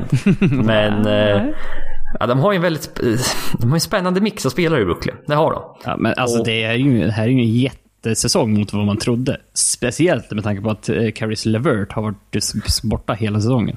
Han Ja, var deras han var- bästa spelare typ, i going, alltså, gå in i den här säsongen. Han såg ju riktigt bra ut i början, men han, han bröt ingenting. Men det var något som var... Det var inte bra Man- i alla fall. Nej, det var inte bra. Men han kanske kan komma tillbaka den här säsongen. Ja, Eh, det var inte så illa som man trodde, som tur var. Det såg ut som man bröt någonting, men att det var bättre än vad man trodde, som tur var. Och, eh, nej men som sagt, Brooklyn, de har, det är väldigt intressanta matcher. Vann de inte över Houston här i overtime för ett par dagar sedan? Alltså de, de Eh, har ju... 145-142 vann de med. Ja. ja, de vinner lite märkliga matcher här ibland, Brooklyn. Ja, men det, och, det- och det är just... D'Angelo Russell, han har ju satt jättemånga viktiga skott i slutet av matcherna. Antingen game winner-aktigt, men typ så här. Eh, satt en stepback trea över någon för att ta ledningen i sista 30 sekunderna eller något sånt. Mm. Sista minuten. Och han gjorde ju... Eh, mot, mot just Orlando, det gjorde, han gjorde ju 19 raka poäng. Det är rätt häftigt. För, för, för alltså, Brooklyn var, var 19 poäng efter Orlando. Hmm. Och sen gjorde han 19 raka poäng och så vann de till slut med två poäng. Ja. Jag så här, bara, vad fan. Man har vunnit 16 av, av, der, av deras 21 sista matcher. Jävlar. Ja, men de har några spel som jag gillar faktiskt. Jarrett Allen. Han är ju underhållande på, på båda sätt. Ja men visst, vilka blockar han blockar? Han har blockat Blake Griffin, han har blockat Giannis, LeBron, Ja, just det. Ja, han har blockat alla möjliga. Paul George tror jag han hade lagt till på listan nu också. Typ. Var det Ja, så? Ja, det var någon i alla fall. Mm. Spencer Dinwiddie, off the bench, gillar jag. Ja. Eh, Joe Harris, bra trepoängsskytt. Uh, alltså Caris LaVerte som är skadad. Eh, Alan Crabb. Mm. Mm. Visst, de fick ju first round pick för att ta hans kontrakt, men det kommer vara ett sent first round pick. Så eh, så där är det tycker jag. Tro, tror han är skadad nu också. Typ så här, Mm. skadad en, en eller två veckor. Eller sånt. Ja, precis. Nej, men de har lite intressanta spelare i det här laget och som sagt var det, var det rätt underhållande. Ja, och det är ju vi- vissa, eh, just med D'Angelo Russell så har ju folk nu så här pu- försöker pusha för att han ska bli All-Star. Ja, mm. ja alltså det är typ inte Ja, det är- alltså- bland guards i och för sig. Men, Nej, det är, är det någon plats man ska kunna ta så är, så är det ju den i så fall. ja, vi får dyka in nästa så vi får, får vi dyka in lite djupare vilka vi tycker ska vara reserver då bland All-Stars. Ja, precis. Men, Då eh, kanske vi kommer, kan man komma fram till att Andrew Russell ska vara en All-Star. ja, men alltså, han, alltså, han snittar ju nu eh, 19 poäng, 6,4 assist, skjuter 37% från trepoängslinjen, 43% från golvet, 81% från trepoängslinjen. Mm. Eh, typ under de här, de här 16, vad sa jag att de hade gått? De hade vunnit 16-21 matcher. Då han snittar Ja, han, 16-5. Ja. Då sitter han över 20 poäng och över 7 assist. Och jag tror till och med att han, han är i gränsfall att vara med i den här eh, 50-40-90-klubben på den, eh, på den stretchen också. Ah, okej, ja, ja. Mm. Mm. Eh, jo, typ, han, han är med i 50-40-90-klubben eh, under januari. Ja, okej, ja. Mm. Så de vill ändå spela bra här sista, sista tiden. Ja, nej, Dean Russell, det är, det är spännande för han är ju han är restricted free agent i sommar. Mm. Och vad gör man med honom? Ja. Det kommer de att behöva besluta förr eller senare. Alltså vad gör man med Daniel Russell? För att de senaste fyra åren, det har varit väldigt mycket upp och ner. Ja. Det har varit eh, just det här med, med Nick Young som ställde till det i Lakers, blir tradad till Brooklyn. Så, han, han, bör, han börjar ju, hans, om man jämför honom med en aktie, så börjar hans aktie väl jävligt högt ändå när han, när han var draftad. Han var ju ändå rätt, Någon tvåa. ja, han var ju rätt hypad. Ja, men det här, här har Lakers någonting att jobba med. Mm. Eh, och sen har det bara gått neråt, neråt, neråt, neråt till nu, när det liksom börjar pika igen. Börjar vända lite igen. Ja. Alltså det är, det är just det, han skade, lite skadeproblem också. Missar lite matcher här och där. Eh, Även vissa längre perioder faktiskt också. Och jag vet inte, alltså det här känns... Jag skulle inte vilja ge Danny Russell ett långtidskontrakt. Fyra år, 80 miljoner, det är så här... Åh, jag skulle ha svårt att göra det faktiskt. Det är miljoner. Det kommer man att kasta på honom. I sommar. Ja, visst. Ja, men det känns, jag, jag skulle, två år, jag skulle vilja, många så här, korttidskontrakt skulle jag hellre ge. Typ så här, två år, 44 miljoner eller sånt. Det skulle jag vara mer bekväm. Det hade känts mer okej. Ja, Ja, men ja, ja, ja, för- det är svårt. Ja, det, fin, det finns ju liksom risker involverade med, med bägge vägarna. Liksom tar du ett långtidskontrakt och säger att nu satsar vi. D'Angelo Russell är våran point guard going forward. Ger han fyraårskontrakt betalar han liksom över 20 miljoner per år. Så bara... eh, Hopp. Bara, nu, nu kom han ner i en dipp igen. Nu har han liksom... Nu har han inte ridit på den här vågen som han gjorde nu. Och så där. Då är det inte så kul att betala den. Men å andra sidan så här, fortsätter han göra, göra så här och spe, spelar kanske snäppet ännu bättre. Så sitter du bara på tvåårskontrakt och så si- sitter du och kliar i huvudet så här, oh helvete. Eh, vi skulle nog ha signat längre när vi ändå håller igång, för nu ska han ha ännu mer pengar. Ja, det är både och. Men eh, kan han också vara en sån spelare som spelar väldigt bra under kontraktår också? Kan vara. Känns som en typisk sån. Han känns som det. För nu känns det som att han kämpar lite hårdare faktiskt. Nej, också, annars kan han nog vara lite loj. Känns det som. Ja. Stundtals. För försvarsmässigt är han inte någon riktig stjärna. Nej, det har han aldrig varit. Kommer troligtvis inte bli heller. Så att... eh, mm, jag vet inte. Det där är... Det är en av de spännande free agencyerna i sommar faktiskt. Ja, ja, och som sagt, vilka är det som kommer ges in i leken? Det får man ju fråga sig. Och hur, hur, mycket, hur mycket kommer Nets behöva matcha? Ja. ja. Det känns ju som man kommer få av... Något annat lag kommer ju slänga något offer på. Man brukar ju all, alltid säga Sacramento Kings, men de kommer inte lägga ett offer på den. Jag tror inte de har det, för de har Buddy Hill och De'Aaron Fox i backcourten Ja, det- det- ja. Så att... Så att eh, jag var så här, Orlando. Atla- Orlando. Ja, jag tänkte komma Ja. till det. Eh, för så här, eh, andra dåliga bara, Atlanta, bara, nej de har eh, Trae Young. Med. Knicks bara, ja kanske. Men de har ändå de har större fiskar de vill fånga. Ja, lite så. Men då är det så här, då, bara, Orlando, de har ingenting. Nej, de behöver en point Typi, guard. typiskt Orlando skulle kunna lägga ett offer på honom i sommar. Känns verkligen så. Ja, där har vi nog hittat laget som kommer konkurrera om honom. Ja, nej, bra. Bra, det gillar jag. Då har vi löst det. Eh, yes. vi går vidare till nästa fråga. Från Simon Sternberg. Prata LeBron versus Jordan.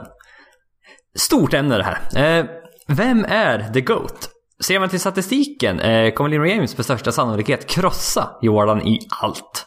Däremot har Jordan sex ringar. Håller den äldre generationen Jordan högre på grund av den påverkan Jordan hade på hela basketvärlden under 90-talet? Och... Ja, det är en tung, tung fråga det här. Tung fråga. Vem är bäst genom tiderna? Det är, inte, det är, ingen, det är ingen lätt fråga. Eh, om vi säger så. Eh, jag kan tänka mig att den här frågan kom just för det här att LeBron James sa nyligen i ja, vad heter, hans egen show, vad heter det? The Barbershop? Eller vad heter den? Ingen nej, det heter inte The Barbershop. Han har en egen show i alla fall på ESPN tror jag det. Och han sa väl då i, här, i den här showen i alla fall att eh, när jag vände, eller när jag, när vi vände eh, 3 underläget mot Golden State Warriors och vann den titeln, då blev jag bäst någonsin. Då blev jag the GOAT. Mm. Och Eh, Mm. Mm. Det... det Han, han, lät- han, lät- han lät så väldigt övertygad där. Det är, alla är inte det. Nej, alltså många reaktioner då var att the GOAT säger aldrig att man är the GOAT. Nej. Man Nej. såg, man såg folk, folk är ju uppenbarligen då Michael Jordans supportrar i det här fallet. Ja, Och liksom, det kändes ju som att det, det snacket kom ju ja, i slutet eller efter hans karriär. Att han var the GOAT. Ja eller ja, ja, framförallt de, de här sista finalerna. 97-98 där. Ja, när man, ja, när han vann titel nummer 5 och 6. Ja, precis. Men, ja, Så då- sl- slutet karriären, ja. Det går inte att Ja. diskutera, men ja. Ja, slutet på Chicago-karriären kan du säga. Ja, typ så. Mm. Och sen den där returnen eller återkomsten till Washington, den kanske... Ah, Glö- Glömma bort. den kan man gärna glömma bort. Nej men visst, om, om LeBron håller sig hel så kommer han nog statistiskt vara bättre än Jordan. Eh, på de flesta Alltså, punkterna. I, I totala stats, absolut. Ja, det var det jag tänkte komma Ja. till. Alltså totala stats. Mer poäng, mer returer, mer assist, mer treor, steals. Allt det där. För han- redan nu har James spelat en säsong mer än Michael Jordan. Ja, och han har spelat typ eh, 100 matcher mer eller något sånt där. Ja, så redan nu har han faktiskt spelat mer. Eh, många pratar om att Jordan är 6-0 i NBA Finals. Medan LeBron är bara 3-6. Eh, och det skulle vara en jättefördel för Jordan. Men där håller inte jag riktigt med. Jag tycker man ska vända lite på det istället. Att LeBron James nådde 9 NBA Finals. Det är jävligt imponerande. Mm.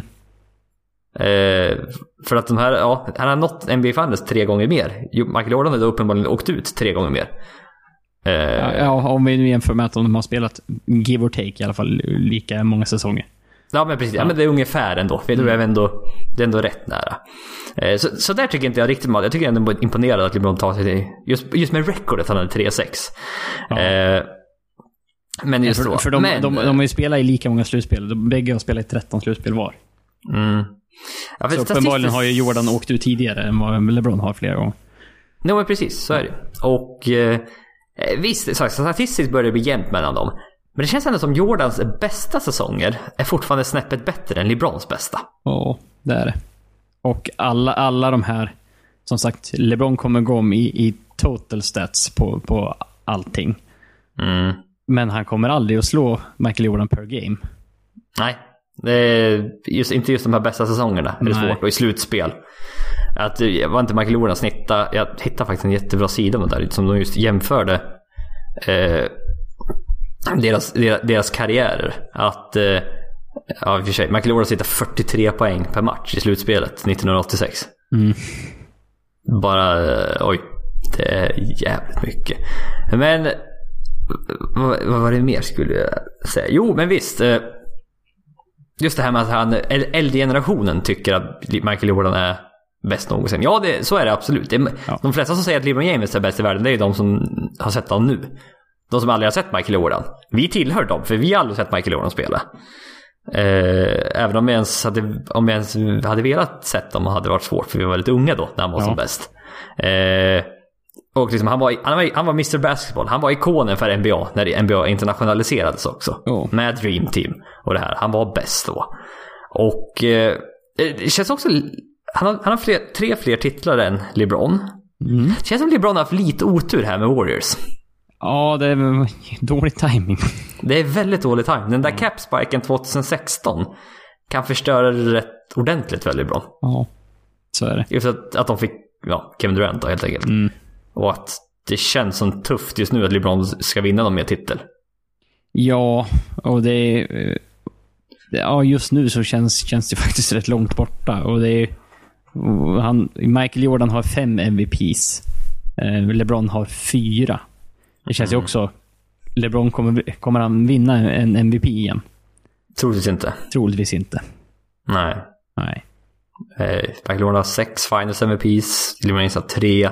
Och det är ju korre- korrelerande till an, de har vunnit. Ja, men så är det ju precis. Ja, det, blir, det blir lite så automatiskt. För bä- bägge de här är ju onekligen bäst på sitt lag. Ja, det, Ja. den diskussionen behöver vi inte ha. Nej. Eh, så All NBA First Team, LeBron James har två mer än Michael Jordan.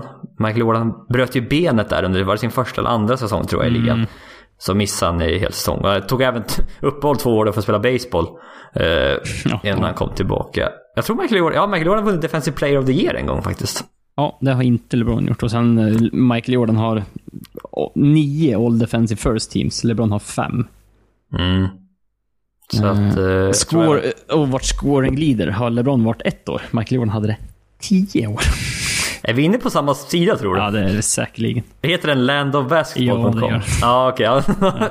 Då har vi googlat på samma sak också. Kom in på samma sida. Ja. Ja. Spännande. Ja. Nej, så att...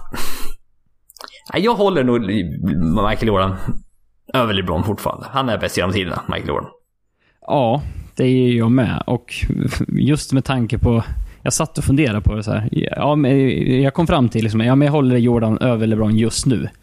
Och då är det så här, vad man börjar fundera på, vad skulle krävas för att LeBron Ja. skulle, skulle ta förbi det? Och med tanke på det vi har sagt nu, då är det frågan, kommer han någonsin att gå förbi en? Nej, det troligtvis inte. Nej. För att visst, han kommer slå honom i total stats, men Karl Malone och Kareem Abdul-Jabbar gjorde också mer poäng än Michael Jordan. Och vi anser inte Ja. att de är bättre Nej. än, eh, än Michael Jordan. Och eh, visst, det är lite... Du kan väl dra ett parallell att det är jämnare i NBA nu. Det finns, fler, det finns mer talang i NBA just nu. Just med hjälp av internationaliseringen än vad det fanns på Jordans tid. Och därför är det svårare att vinna en titel. Men... eh, Ja, nej, jag håller nog Jordan över fortfarande. Det är så, ska LeBron vinna... Det är nästan som om... Det är något med det här med titlarna också. Som Ja. tar emot det. Man ska inte bara tänka titlar, men det gör, det, gör det lite. Ja, men och det är också så här. Om LeBron vinner en titel till. Då är det så här, då, är han, Ja. då är han två efter. Mm. Och sen går han om man, och då vinner han garanterat en Finals MVP. Ja, det kommer han göra. Ja. ja, det är så här. Men jag är fortfarande inte säker om en titel för LeBron. Räcker. Nej. Och som sagt, jag har svårt att, just nu, som det ser ut, har jag svårt att se när den titeln skulle komma i så fall också. Nej, inte i år. Nej. Troligtvis inte. Nästa år möjligen då, om man får bra Ja, med hjälp. Det beror ju på vad som, vad som sker där på sommaren känns det som. Ja, precis. Och, eh, men också, visst, en del av den här parallellen att Jordan hade mycket sämre lag än vad LeBron hade. LeBron var tvungen att gå till Miami och skaffa superlaget. Jordan hade hyfsad hjälp ändå faktiskt. Han hade Scottie Pippen. Han hade Dennis Rodman stundtals. Han hade, vad heter han, Ton- Tony Kukoc. Mm. Och det var liksom Ron Harper, eh, ja, Luke Longley vad man spelare kom på. The Eh, Lonely, Lu- Lonely Express. Ja, just det. Steve Kerrs fantasylag. Mm. En väldigt, väldigt bra, väldigt bra draft. Eh, Den har jag somnat till många gånger. Eh, Ja, nej, men som sagt, vi är väl båda överens om att vi håller nog Jordan högst va? Ja. Ja. Eh, Från Twitterfråga från Bengt Klein. Har Clippers något kvar i tanken? Det... det är vårt lag vi pratar om här. Eh, Los Angeles Clippers var etta i väst. Eh, kort period, men de har varit etta i alla fall. Det, var, det kändes bra de där dagarna. De var bäst i öst faktiskt. Ja, Eh. men de låg ju faktiskt i toppen. Lite längre än ett par dagar. Ja, men det var Det inte vi. en vecka då. Ja, två veckor kanske. Att de Ja, ligger det- topp tre i alla fall. Ja, men de var i toppen. Men de var etta. Det var, Ja, ja, jo. Men nu är de, om min dator tillåter, hallå, De är-. De är åtta. En match för eh, Lakers va? Som är utanför. Nej, tvärtom. Nej, de är De lika. är på samma. De är samma. Ja, det var en vinst. Just det. En Ja, vinst precis. eh, mer eller en, och en förlust mer har Lakers. Ja, precis. De har en av varje. Så de, är, de räknas som att de har... Ja, Samma, när det gäller games behind. Ja, nej, de har haft lite tufft nu, Clippers. De är 3-7 sista 10 här. Eh, förlorar fem i rad. Eh, var som sagt, var ändå så här tredje, fjärde plats ett tag kändes det som. Men nu har de gått lite sämre. Det, det är ju så sagt otroligt jämnt. Mellan tredje och eh, tionde laget så skiljer det liksom tre och en halv match. Så att eh, det är väldigt, väldigt jämnt. Ett par förluster, då dyker du rätt snabbt i, i standingsarna. Men det var rätt spännande här att liksom, har, har de kvar något i tanken? Ja, för att kämpa med slutspelsplats möjligen, ja. Men mycket mer än så känns det inte som det är.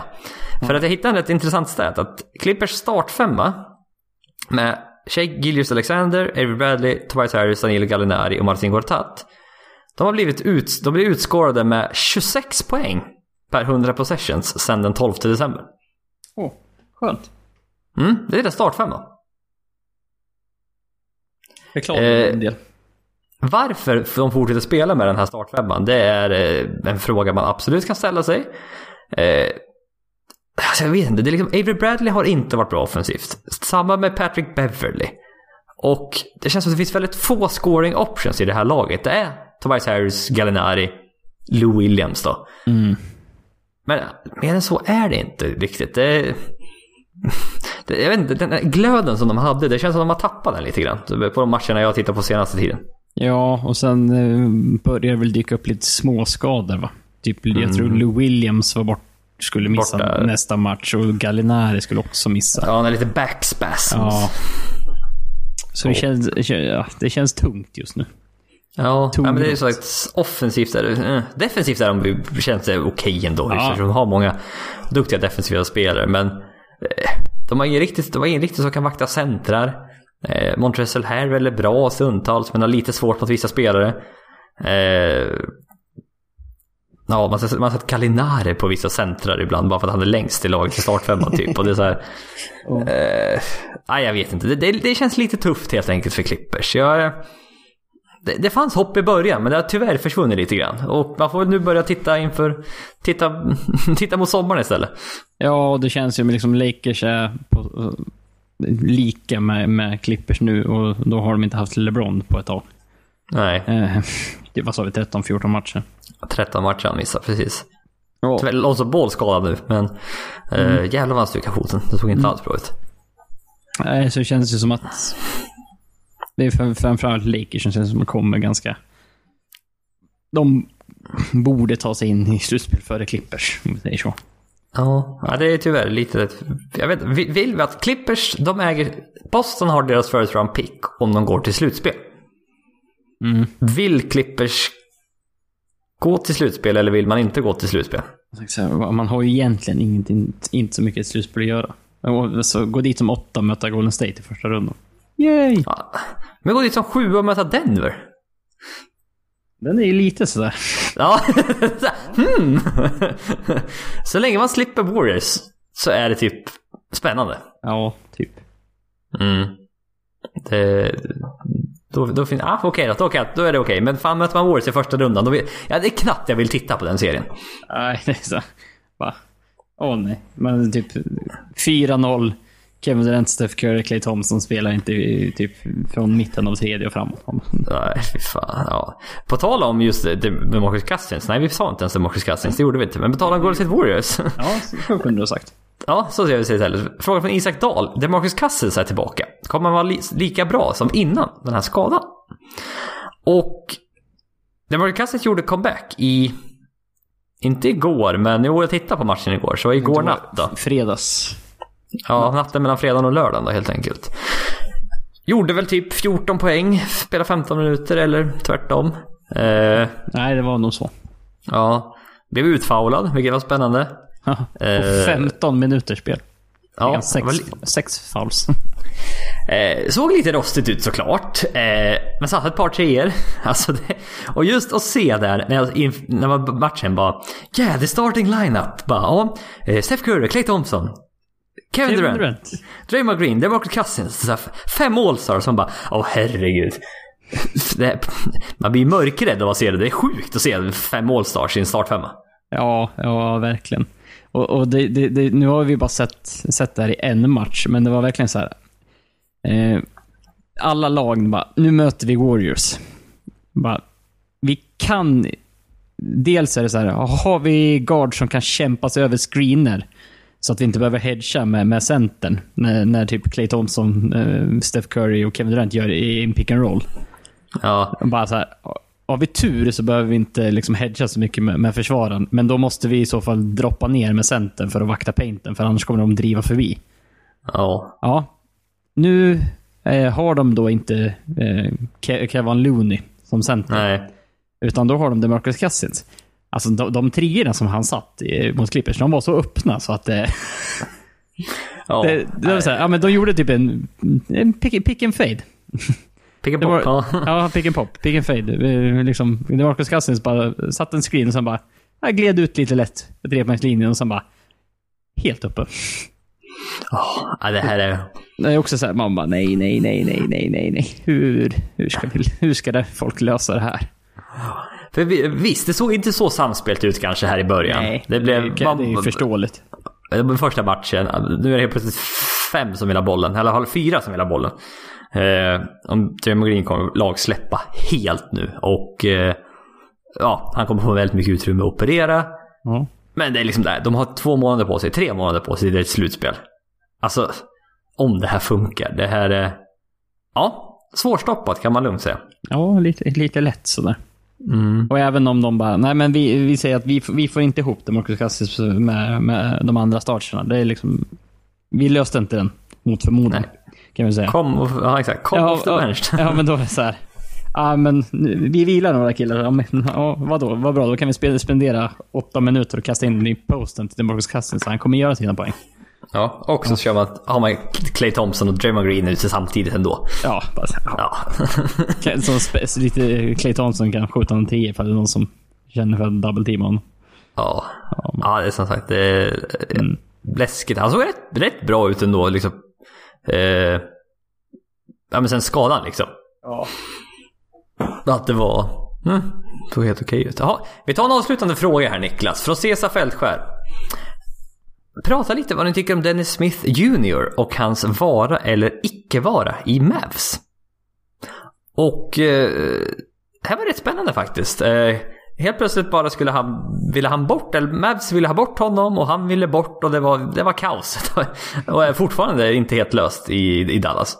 Ja, eh, det var väl så att, att det började dyka upp rapporter om, om att eh, Dallas eh, gjorde Dennis Smith Jr tillgänglig i trades. Eh, Ja, och det, eller så var det att andra lag trodde att man kunde få Dennis Smith Jr. Om man ville. Och det är, väl egentligen samma sak. ja, mer, ja, mer eller mindre. Mer eller mindre, ja. Men det var ju- Tillgänglig i alla fall. Rick Carlisle har, ju- har ju kom, kommenterat att han, eh, han... Han var inte så nöjd med hans decision making abilities. Nej, Dennis Smith Jr.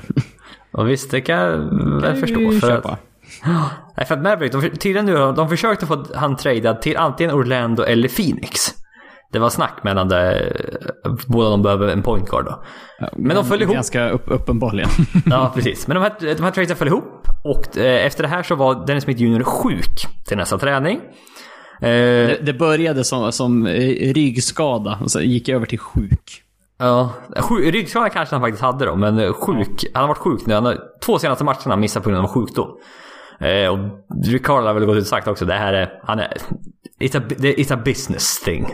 Eh, liksom det här är, mm, han är inte sjuk. Men nu hoppas i alla fall Dallas då att de kan eh, försöka försona det här förhållandet, läka skadorna som har eh, uppkommit. Och han är då i källor så är det då att de kommer inte att trada honom så de inte, vidare de inte får något väldigt bra tillbaka.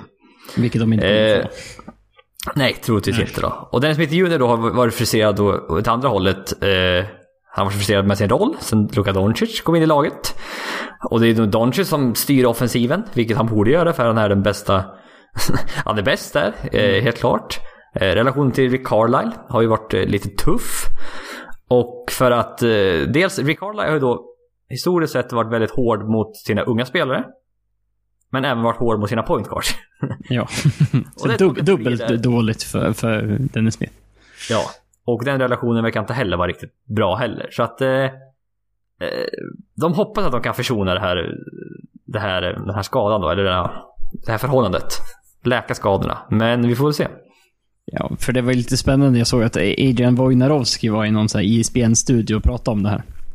Eh, och då, hans slutkläm på det hela var att eh, han trodde inte att Den Smith Jr kommer spela någon mer match i Dallas Mavericks. Han, Oj, kom- va? han- kommer vara sjuk tills han blir tradad. Det var det Jaha. hans avslutande ord. Då vart jag så här. Uh, jaha. Oj. Det tyckte jag var... Det, så det var såhär, jag bara, vad i helvete? Det, för, för, precis som du sa, alltså mycket annat runt omkring har varit så här. Ja, men... Det är liksom, vi, vi, han, han blir, han, vi ska inte trada han, typ. Nej, jaha, spännande. Ja, för, och när Wojnarowski säger någonting, då är det ofta... Ja, det brukar inte vara taget ur luften i alla fall. Nej. Nej. Eh, så det var ju spännande. Men det var det, jag hittade också så här nu.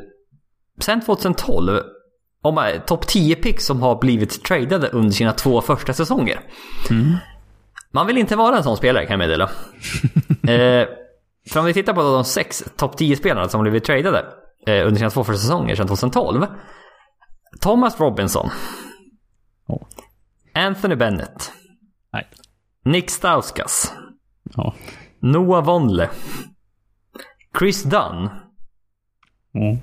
Och sen faktiskt Buddy Hield som faktiskt nu har blivit en lite av en... Eh, lite ja, det har vänt lite. Det har blivit bra. återuppståndelse i... Ja, precis. Det är faktiskt bra. Men då historiskt sett så... Topp 10 picks. Inget bra tecken om du blir tradad de två första säsongerna. Nej. Nej. Och eh, jag vet inte, vad, vad, vad tror de? Finns det någon framtid mellan Dennis Smith Jr och Luka Doncic? De är ju inte ingen... Det är ingen riktig match made in heaven känns det som. Nej, alltså, och det är ju det. Det är väl egentligen grunden till att dels om då andra lag började bli intresserade eller om Mavs gjorde honom tillgänglig i trades spelar inte så stor roll.